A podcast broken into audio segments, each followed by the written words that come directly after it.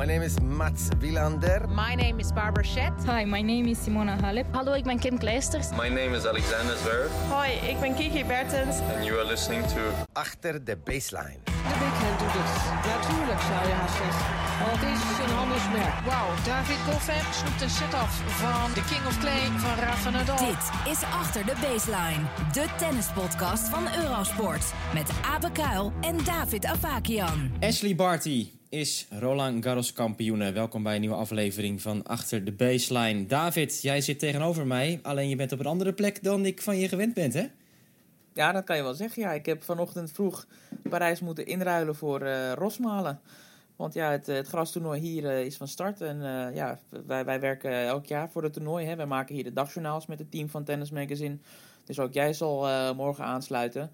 Maar ja, de tour gaat door. helaas kon ik de finales niet meemaken. Maar ja, ik heb het allemaal gevolgd uiteraard. Dus ik kan deze podcast net zo goed vanaf hier doen. Ja, eventjes snel daarop doorgaan. Want jij hebt vandaag Kiki Bertens gezien, hè? Ja, dat was onderdeel van de dag van vandaag. Ik moest hier zijn om de lotingen mee te maken. En dat was heel leuk. Kiki Bertens was daarbij aanwezig. Robin Haase was er ook. En anders dan andere jaren was het ditmaal openbaar. En er waren heel veel kinderen bij die ook deelnamen aan de ceremonie. en we hadden inderdaad de gelegenheid om, om wat vragen te stellen.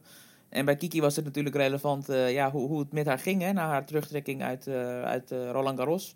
En ze heeft aangegeven dat ze ja, na, na die tweede ronde partij, waar ze dus ja, uit moest stappen, een aantal dagen echt wel ziek op bed heeft gelegen. Maar dat ze gaandeweg herstellende is en sterker aan het worden is. Dat ze nog wel twee kilo lichter is dan voor die dag. Uh, daar grapte ze nog over. Ja, misschien is dat maar goed ook. Uh, maar ja, ze is nog wel nog bezig om, om, om op, op, de toppen van haar kunnen te komen. Maar ze heeft aangegeven dat ze wedstrijdfit is en gewoon kan starten. Ja, dus het heeft wel echt ingehakt, die ja. waardoor ze moest opgeven. Ja, zeker. Maar ja, ze zag er goed uit en ze was blij. Dus daar verwachten we verder geen, geen problemen meer mee. Weet jij nog tegen wie ze moet gaan spelen ook daar in Rosmalen? Die lotingen ja. van Kiki?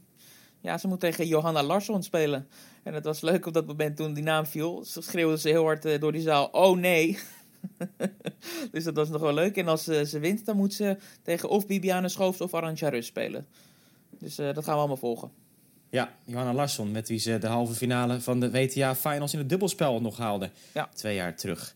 Oké, okay, we gaan uh, natuurlijk weer even terug naar Roland Garros, David. Want je zegt het al, je hebt het natuurlijk allemaal meegekregen ook wat er is gebeurd. Ashley Barty heeft het toernooi gewonnen. Die finale van Marketa Vondroshova. En dat werd eigenlijk niet echt spannend. Nee.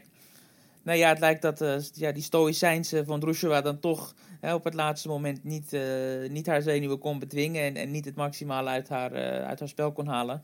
Ze ging met 6-1, 6-3 uiteindelijk eraf tegen Barty, die, die daar wel in slaagde om om, om haar zenuwen te bedwingen. Natuurlijk een speelster die in het verleden ook al in, in dubbelspel Grand Slam finales heeft gestaan, op grote podia heeft gespeeld.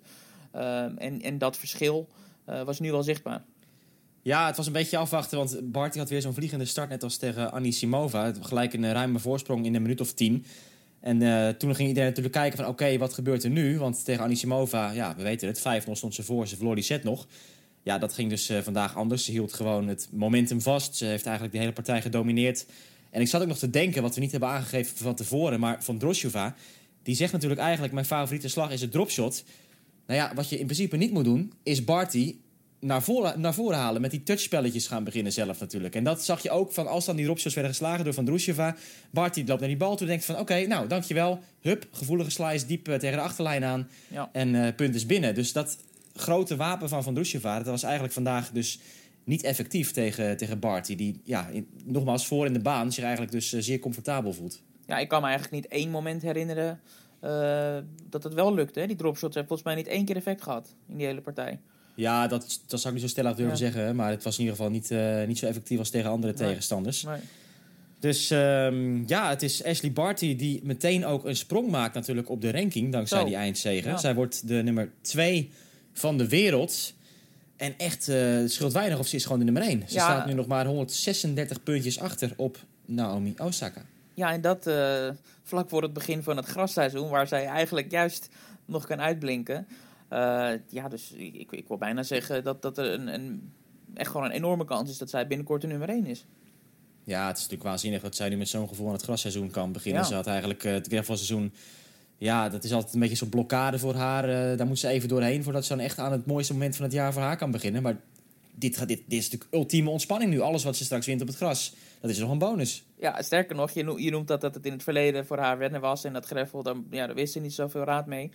Ze had natuurlijk een heerlijke quote vorig jaar hè, daarover. Dat ze zei, eh, het, het greffelseizoen begint voor mij, eh, betekent voor mij dat elke week die, eh, die, die, die, die doorgaat, betekent dat het grasseizoen dichterbij komt. Dus Ja, dat heb ik ook al een keer aangehaald in de podcast. Die, Had je dat al gezegd? Oh, dat heb ik dan ja, ja, ben ja, ik ja, vergeten. Oké, nou ja, nogmaals. met, met, met de kennis van nu, Roland Garros kampioenen. Ja, waanzin. Ja, en ik, ik denk ook een beetje terug aan de laatste jaren in het vrouwentennis. We hebben 2017, 2018 gehad. De jaren met acht verschillende Grand Slam kampioenen. Dat was eh, 80 jaar geleden dat dat was voorgekomen. Naomi Osaka heeft die reeks natuurlijk beëindigd door twee keer op rij een Grand Slam toernooi te winnen. Met de Australian Open dit jaar ook. Maar de kans is natuurlijk gewoon heel reëel dat we ook dit jaar in ieder geval weer vier verschillende namen zullen zien in het tennisjaar. Want ja, Wimbledon en de US Open, de kans is denk ik groter dat dat twee nieuwe namen zijn dan dat Osaka en Barty nog een Grand Slam titel erbij pakken, als je het mij vraagt. Zie jij Bartje niet als favoriete voor Wimbledon? Nou, favorieten zou ik niet willen zeggen, maar ze behoort natuurlijk tot de kanshebbers. Maar als je mij vraagt, eh, wint Barty de titel of wint iemand anders de titel, dan eh, zeg ik toch wel vrij stellig, iemand anders wint de titel. Jij niet dan? Nou ja, nee, ik, ik weet het niet. Ik, ik, als ik nu één iemand zou moeten aanwijzen in plaats van het veld. Als ik echt voor één iemand zou moeten kiezen, dan kies ik denk ik nu voor Barty. Ja, oké, nou ja, één iemand, maar eh, het veld, dat is voor mij nog steeds eh Ja. 80% kans hebben, Nee, zeg ja, maar. tuurlijk, Eh, ja. Sowieso, als Kvitova weer terug is, als eh, een Kerber misschien er weer bij is, de titelhoudster natuurlijk, als een Serena weer wat beter voorbereid is en zo kunnen we nog wel even doorgaan. Er zijn natuurlijk heel veel kanshebbers. Pliskova, die zal toch ook op het gras wel een keer eh, moeten excelleren, vermoed ik. Ehm, Belinda Bencic, eh, ook favoriete ondergrond voor, eh, voor de Zwitserse, die natuurlijk ook al diverse grote prestaties heeft Ja. neergezet. En zo zijn er nog diverse andere op te noemen. Maar Ja. goed, ehm, eh, de, ja, de, reacties, heb je daar iets van meegekregen, David, van de, van de speelsters ook? Of eh, had je te druk met andere dingen? Van Barty zelf? Ja? Ja, nou ja, goed, ook zij. Hè. Ze spreekt natuurlijk veel over, over die, die verrassing eh, dat het uitgerekend op gravel is gebeurd. eh, is natuurlijk een groot punt in, in alle reacties. En er werd ook veel gesproken over hetgeen wat wij aanhaalden in de vorige podcast. Over die break die ze nam voor het eh, cricket. En dat dat cruciaal is geweest voor dit succes. Dat ze zonder die break ehm, van tennis al deze prestaties niet had, eh, ja, had, had kunnen eh, bewerkstelligen. En ook over haar spel is natuurlijk veel gesproken. En, en daar werd, ja, dat, al- overal komt nu een loop op te liggen. En ze heeft een paar, een paar keer aangegeven dat ze ja, al van jongs af aan zoveel mogelijk verschillende soorten ballen wilde slaan. En dat ze dat aangeleerd kreeg door, eh, door al haar coaches. En dat ze nu op een moment in haar carrière is aangebroken dat ze al die verschillende slagen eh, beheerst. En dat het allemaal draait om de juiste keuzes maken. En dat lijkt ze nu precies deze twee weken echt heel goed begrepen te hebben en eh, toegepast te hebben. Wat tot dit grote succes heeft geleid. Ik heb hier ook haar eh, persconferentie voor mijn neus liggen. En de, de eerste vraag gaat al gelijk eh, natuurlijk ook over wat het voor haar betekent. En Barty zegt heel mooi van... ik denk dat het niet iets is, een, eh, een, een, een feest van de afgelopen twee weken... maar meer het proces van de laatste twee, drie jaar dat we nu kunnen vieren. Hè? Dus met z'n allen zo hard gewerkt naar dit doel. En ze noemt het een, een bijproduct van wat ze hebben gedaan. Al het werk dat ze hebben verricht. En ja, dat is natuurlijk iets ongelooflijks. En ze is eh, sprakeloos daarin, zegt ze. Barty schoof ook aan in de studio bij Gameset en Mats. En laten we daar maar even naar gaan luisteren ook. What's going through your head now? Has it sunk in just yet? You are the French Open champion. Uh, yeah, it's bizarre. It, it is really mind-boggling. But I think for me, it was that was just the perfect tennis match. It was It the was. best I could have played, and it was yeah, unreal, unreal. In your wildest dreams, you couldn't have imagined it would, it would have gone that well, right? No, no, not at all. And um, considering the the roller coaster that was yesterday, um, I'm pretty happy that today was was clean. It was yeah, like I said, the the perfect tennis match. Was there, d- did you have anything unexpected happen in terms of her game, or good or bad? It seemed like you were controlling pretty much every point. Yeah, I think um, I felt like I was in control of a lot of the match, and I think it was just more my mindset than anything. I felt super clear and super fresh out there, um, and just told myself I may never get this opportunity again, so try and make the most of it. You didn't look nervous at all. No. Oh, I was. Don't worry, were I you? was. No, you looked so composed. You were breathing. You knew exactly what you were doing. Were you going crazy inside? Yeah, very very quick inside, um, and I just tried to just tried to tell myself over and over this this may never come again. Um, I just try and breathe through it, try and um, be clear, and, and just try try and focus for every single point. You point. should do that more often, maybe be should. more nervous Did you, did you think that it, you're, the clay, if you were going to envision winning your first slam, because I mean, it seems like your game is very well suited Yeah. to Wimbledon, for example, or Australia is pretty quick, but clay's a trickier proposition. So I'm guessing you're a little surprised that it happened here. Absolutely, uh, I really am, and I think considering I only really play on the clay for the five six weeks of the year, uh, I feel like we've made the most of it this year. I played really really well last year without getting any results, um, so this year was about embracing it, enjoying it, and just trying to do that a little bit better. How was the difference, uh, the feeling of going into the finals compared to semis or quarters? Was there a difference to you? Um, yes and no. Uh, I think the, there's a bit of a, a difference because it's it's the last match. Yep. Um, no matter what happens, it's been an incredible journey, an incredible two weeks. But there's al- always a little bit different, I think, in the quarters and semis because there's still the what if, um, what could happen. But when I mean, it was a it was a first for me, uh, and like I said, it was just the perfect match. Let me ask you: uh, uh, You played a lot. You played a lot of doubles and had success with it. You're the first person. I think you're the only person in the top ten in singles and doubles. So, and so, how much did that help your singles, uh, your doubles? I know it helped me when I Sure. started out. What about yourself? Oh, it does for sure. Not not just with the game and, and thinking about where to position the ball, but also the experiences. Um, already playing big matches on this court, I think before has helped me um, on big centre courts around the world. But I love doubles. Uh, even though I only play a limited schedule sometimes, um, I do very much love it. You're going to keep playing all double. A lot of oh, limited. You said limited. Yeah, I don't play every single week, but um, more weeks than not, I'll play. Yeah. Ash, I have to ask you. You caught up with uh, Rod Laver right uh, down on Philippe Chatrier. He came came down there, gave you a hug, congratulated. How did that feel? And and do you know what impact that has to Australian tennis as well to have another Grand Slam champion? Is- Are you aware of that? Oh, yeah, Your life is going to change. Yeah, it, I think it will a little bit, but um, you know, Rod is just the most incredible man. He really is, and um, it, I mean, for for Australians to have such a genuine champion, and we have so many champions, but for him to be here is really special. Um, you know, and a little bit of Queensland uh, spirit there too. Oh yes, we like the And did I Queenslanders. hear that after this event, now that you've won, you're the number two female player in the world? Is that accurate? I may have just heard it now for myself. Yeah, Well, amazing. congratulations. Thank you. Yeah, well done. Where do you think you got your um, uh, crafty skills, tactical skills on the court? Where did you, environment, coach, parent? What, what, how did you get it? I think very much my coach, um, Jim Joyce. When I was younger, he he taught me everything that I know. Um, he tried to teach me every single shot in the book, and and now it's been um, with my current coach, uh, Craig, trying to put it all together, trying to at times simplify it, um, at times try and adapt and, and have that creativity. But um, all for me, it's it's just about shot selection. Remember 10 years ago when we did that camp in Australia? And then there was this little Ashley Barty, and she just played the slide, she played the short cross. I think it, it's an instinctive thing as well. It's a gift uh, that you're using. Yeah, I mean, I just I just enjoy coming up with different shots. Um, I really do, and even even when I practice, I try and bring in that variety in, in all these different shots, and and try not to be too Ja, dat was dus Ashley Barty. En eh, ook John McEnroe was daar aanwezig in dat gesprek. Het is ehm, toch altijd grappig, hè, David, als we even uitzoomen... dit vrouwentoernooi nou weer even in zijn geheel bekijken... dat we eigenlijk elk Grand Slam toernooi bij de vrouwen wel weer nieuwe verhaallijnen zien... nieuwe speelsters die ineens uitblinken. Ehm, wat zijn zaken die, jij, die, die jou bijblijven van dit vrouwentoernooi... als je terugkijkt naar het geheel? Nou ja, dit is misschien wel een van de, de, de, de meest open eh vrouwentoernooien ooit gebleken. Eh, met die hele jonge speelsters die door zijn gekomen. Met, met, ja, kijk, je zegt onbekende namen. Goed, tot op zekere hoogte is dat in het verleden ook wel eh, de laatste jaren gebeurd. Maar dit was wel extreem. Dat, is, dat blijft mij bij. Met Vondrousova en met Anisimova uit het niets. Ehm, dus dat is iets wat mij bijblijft. En nou ja, goed, natuurlijk de, als we helemaal teruggaan naar het begin... Eh, ja, de, hype die gecre- gecreëerd werd rondom Kiki Bertens, uiteraard dat dit haar kans zou zijn. Nou, dat is uiteindelijk eh, helaas eh, niet gelukt door, door de buikgriep. Dus, dus dat zijn denk ik wel de voornaamste dingen die bij mij over het vrouwentoernooi bijblijven. Ja, ik wil toch ook de naam van Victoria Azarenka nog een keer noemen. Want die blijft maar van die slechte lotingen krijgen.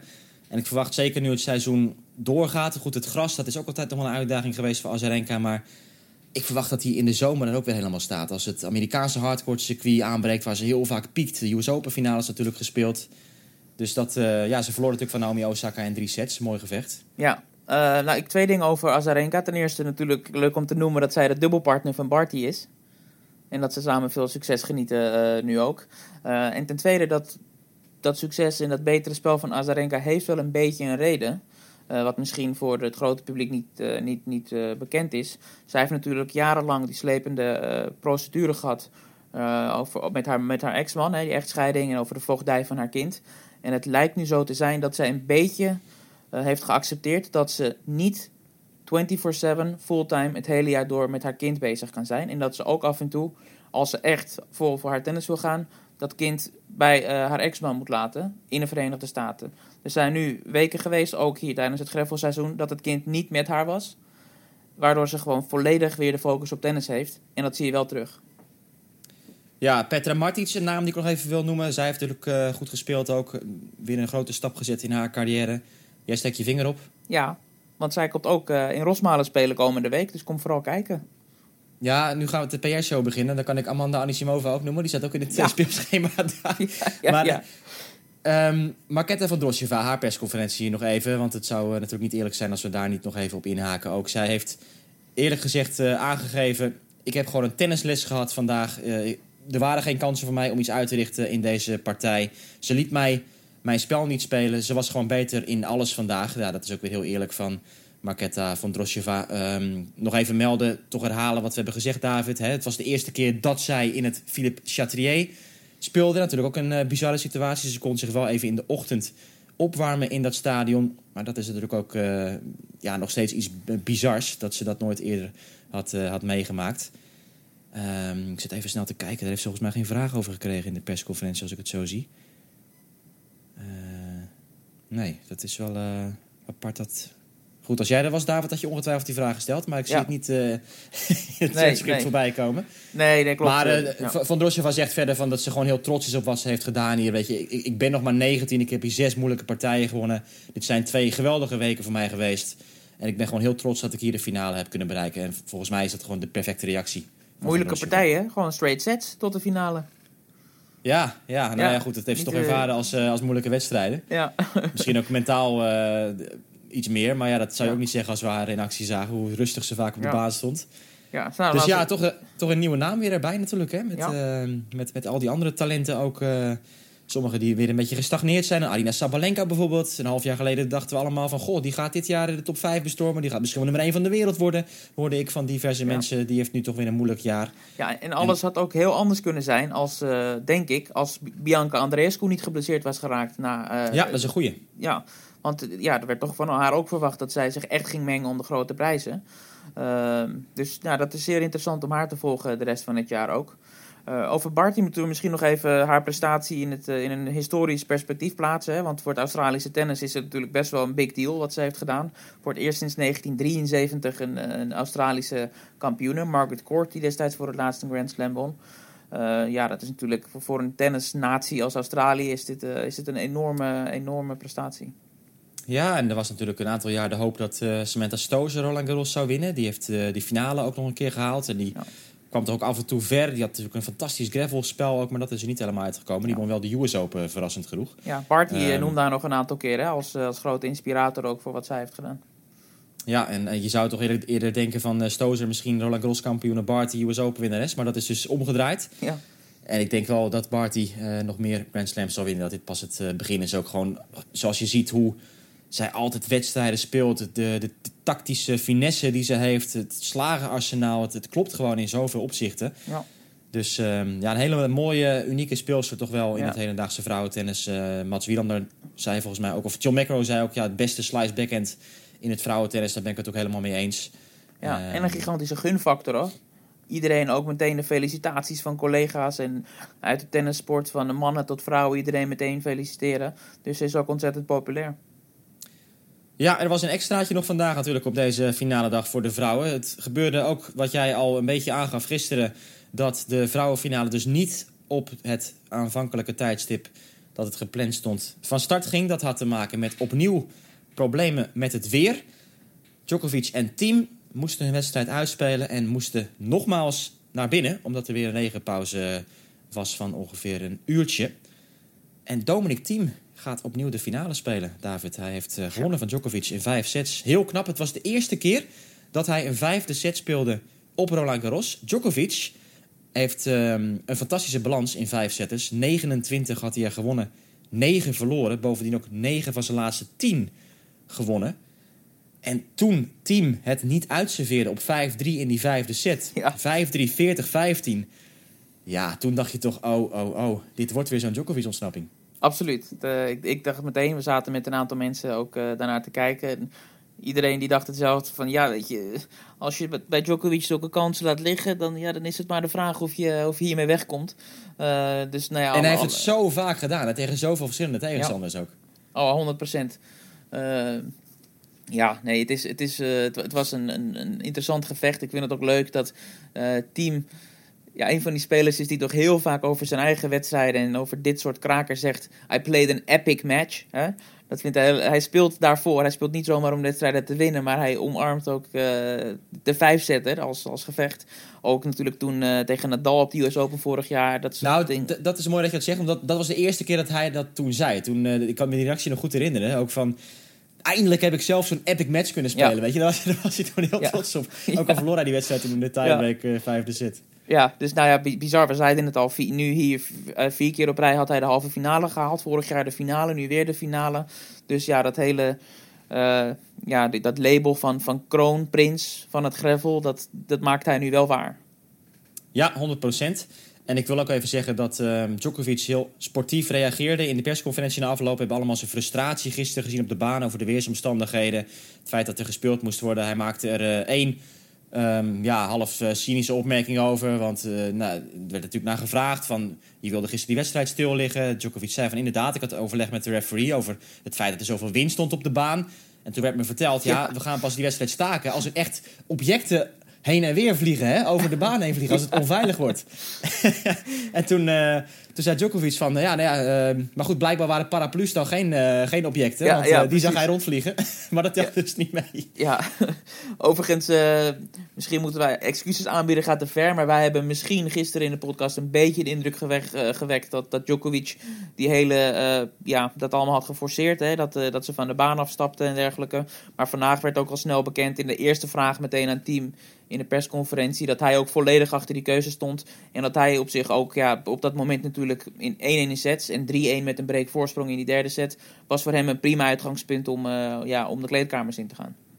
Ja, en ook het moment van het afblazen hè, werd uh, veel over gesproken. Ja. Dat uh, zei Barbara Chet ook gisteren in, in Game Set Match meteen van... oh, ik kreeg net informatie dat Djokovic is weggegaan voordat officieel de boel ja. werd geannuleerd. Nou, dat bleek dus ook niet te kloppen. Um, de spelers zijn gelijktijdig geïnformeerd. Djokovic was toen wel heel snel weg daarna. En hij was weg, mensen zagen hem vertrekken... voordat het announcement werd gemaakt ja. richting de fans. Dus ja. daardoor ontstond een beetje het misverstand... dat mensen dachten, Djokovic is al weg... en nu pas krijgen we te horen, het gaat niet meer door. Maar de spelers waren toen uh, al ingelicht. Dus ook dat was een ophef om niks. Djokovic heeft daar uh, niets fout gedaan verder. Nee. En uh, nogmaals, wat je zegt, team was het ook gewoon eens met uh, de beslissing. Want ze dachten, oké, okay, het gaat weer regenen waarschijnlijk. Ja, het gebeurde dus niet.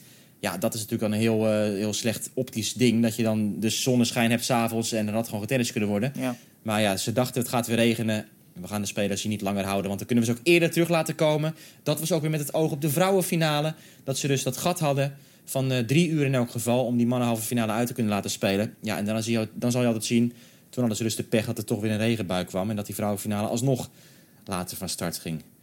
Maar ja. dat, was, uh, ja, dat was de tennisdag van vandaag in Parijs. Ja. ja, maar ook de omstandigheden vandaag waren, waren lastig. Hè? Die, die wind was er nog steeds. En uh, ja, ook, ook vandaag worstelden beide spelers regelmatig met, met de omstandigheden.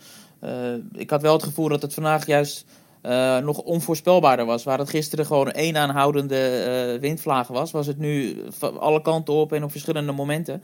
Dus misschien nou, was het... Uh, het, het, kwam wel echt van één kant hoor, want dat, dat ja. zeiden de spelers ook, dat kon je ook wel zien. Um, aan één kant stond ja. je echt ja. tegen de wind in te spelen en, en daar werden ook de breaks over het algemeen gemaakt. Um, dus ja, dat, dat was wel een, een, een constante dan in dat opzicht. Maar ja, het viel inderdaad op. Die harde wind was er nog steeds. Het was iets minder dan, dan, uh, dan gisteren. Djokovic zei eigenlijk van ja, het, het, was pas redelijk te managen na die laatste regenpauze. Dat, dat toen dus de wind het minst erg was. Maar uh, ja, goed, ja, het wat, is, het is wat, toch knap dat dat team daar uh, het best mee omgaat. Ja, wat mij nog opviel trouwens was uh, het aantal keer dat Djokovic naar het net ging. Ja, en, en, ja. en vrijwillig en ook af en toe ja, volgens mij gelokt hè, door, uh, door team. Uh, ja, vaak, het, volgens mij was het een, het winstpercentage aan het net voor Djokovic nou, minder dan 50%. Maar af en toe Ja. toch ook wel weer succesvol. Eh, dat vond ik wel erg opvallend. Nou, hij deed het ook vaak gewoon service volley op, eh, Ja. op big points, op breakpoints tegen en zo. Ja. En, en soms pakte het goed uit, maar ja, vaak ook niet. Ehm, ik, ik heb het ook nog gezegd toen, hè. Het is toch vreemd om te zien als je... Want die, die statistiek kwam natuurlijk heel vaak in beeld. Van Djokovic wint maar eh, 30 tot 40 procent van de punten aan het net. En dan zie je hem toch steeds weer naar voren stappen. Ja, waarom doe je dat dan, eh, vraag je je af. Nou ja, Craig O'Shannessy, die je hebt gesproken... die zal het ongetwijfeld eh, hebben bedacht van... je moet naar het, naar het net komen tegen Dominic Team. Want dat is een eh, procentueel goed eh, punt om aan te pakken op die manier. Ja. Nou, Djokovic, of eh Team, die werd er ook mee geconfronteerd in de persconferentie. Eh, waarop hij zei, ja, weet je, het is gewoon hartstikke lastig om in deze omstandigheden zuiver te voleren aan het net. Zeker als je een goede dosis eh, spin en vaart eh, in die bal gooit of, of sliced met een eh, gewoon strak. Dan is dat erg lastig en dat, eh, dat bleek ook wel regelmatig.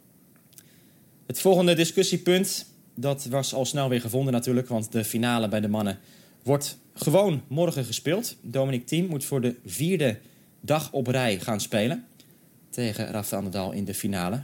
Gaat dat een doorslaggevende factor zijn, denk jij?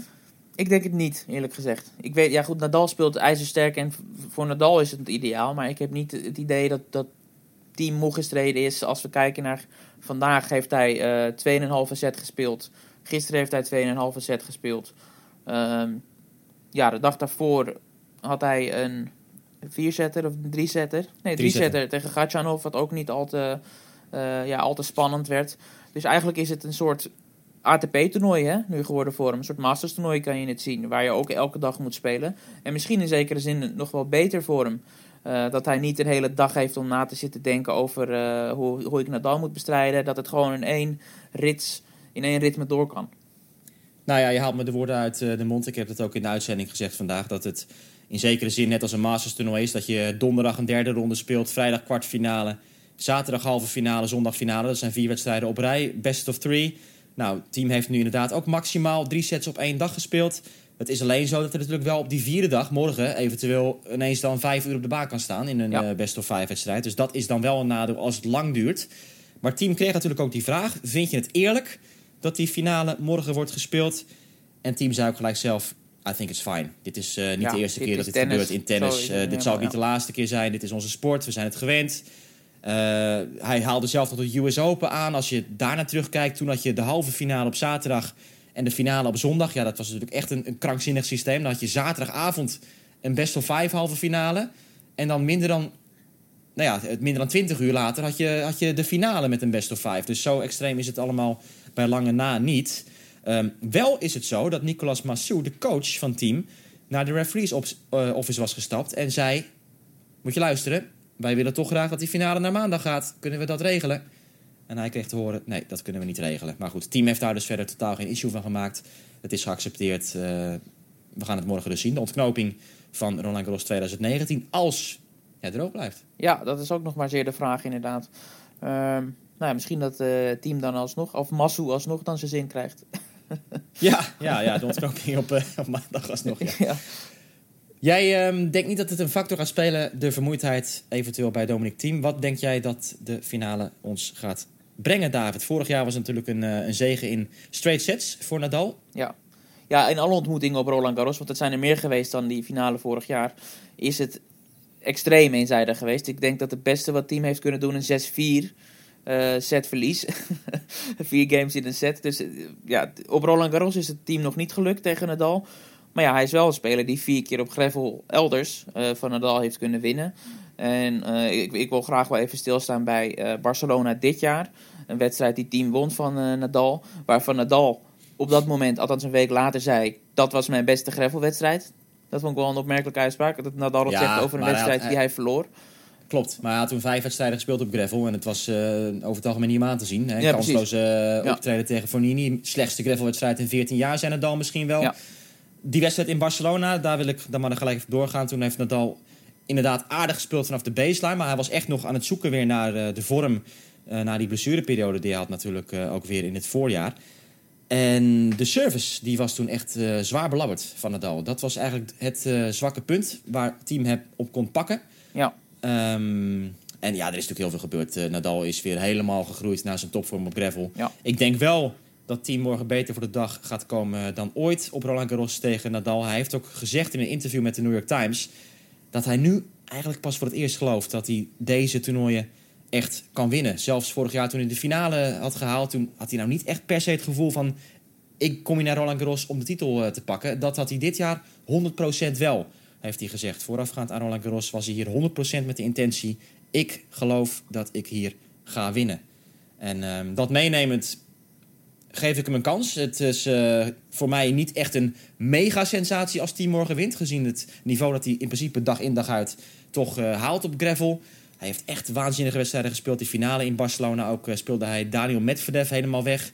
Dan ja, denk je misschien, oké, Daniel Medvedev... kunnen we die serieus nemen op gravel? Nou, die speelde toen best goed. Die won ook van Djokovic in Monte Carlo. Maar Medvedev zei ook dat hij echt uh, zo onder de indruk was van het team... dat hij gewoon, wat hij ook deed, hij kon er niets tegen inbrengen. En dat deed een beetje denken aan hoe mensen ook praten over Nadal natuurlijk, hè, door de jaren heen. Ja. Dat ze echt gewoon alleen maar een soort toeschouwer zijn... en, en compleet overweldigd door het niveau de, van de tegenstander. Team kan ook zo fabuleus tennissen op gravel. Maar vijf sets tegen Nadal, dat um, vind ik dan denk ik te veel gevraagd voor hem. Ik denk dat Nadal in vier sets gaat winnen.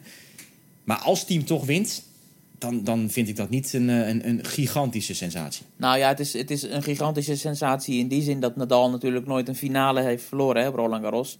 Uh, kijk, als het, als het in een eerder stadium was geweest, anders.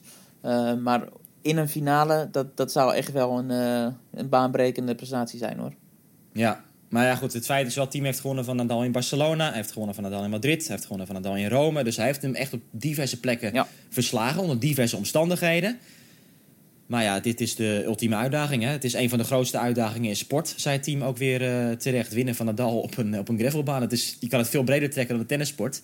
Uh, verzin maar eens een uitdaging in een andere sport uh, die, die erbij in de ja. buurt komt. Want ja, het is, nou, ja, het is ik, niet te geloven. Ik, zeker, helemaal mee eens. En ik denk gewoon dat heel veel af gaat hangen van hoe clean Nadal voor de dag komt in de zin uh, van onnodige fouten. Als Nadal zijn eigen onnodige fouten weet te onderdrukken, wat hij zo waanzinnig goed deed tegen Federer in die waanzinnige slechte uh, omstandigheden, um, ja, dan moet het team wel, wel erg clean zelf ook spelen en met heel veel winners op de prop komen en met, met servicegeweld om het, om het te doen, vrees ik, voor hem.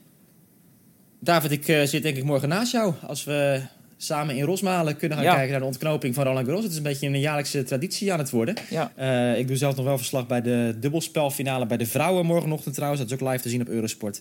Ja. Maar dan vanaf uh, morgenmiddag is natuurlijk live het uh, slotakkoord Nadal tegen team Het was te nog zien. leuk.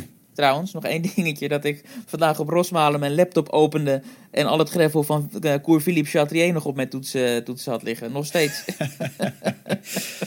ja, nou, dat zal, uh, dat zal morgen minder zijn. Dit, uh, ik hoop dat er geen graspollen voor in de plaats komen. Want ik merk dat ik nu al een beetje last van hooikoorts krijg. Maar morgenmiddag om drie uur, Nadal tegen team. Dus de finale. Om half twaalf de dubbelspelfinale bij de vrouwen. Ook live, wat ik zei, Timea Babos en Christina Mladenovic. De vriendin van Dominic Thiem. Die gaat dus eerst nog een finale spelen. En de nieuwe nummer 1 van de wereld. In het dubbelspel. Zeker. Christina Mladenovic tegen de Chinese Duan en Zheng. Dus de laatste dag komt eraan. De laatste dagelijkse tennispodcast achter de baseline. Die gaan wij morgen ook opnemen. Maar dan weliswaar vanuit Rosmalen. Ik hoop dat u dan uh, nog één keer zult inschakelen. Bedankt opnieuw voor het luisteren. En tot morgen dus met de finale dag op Roland Garros.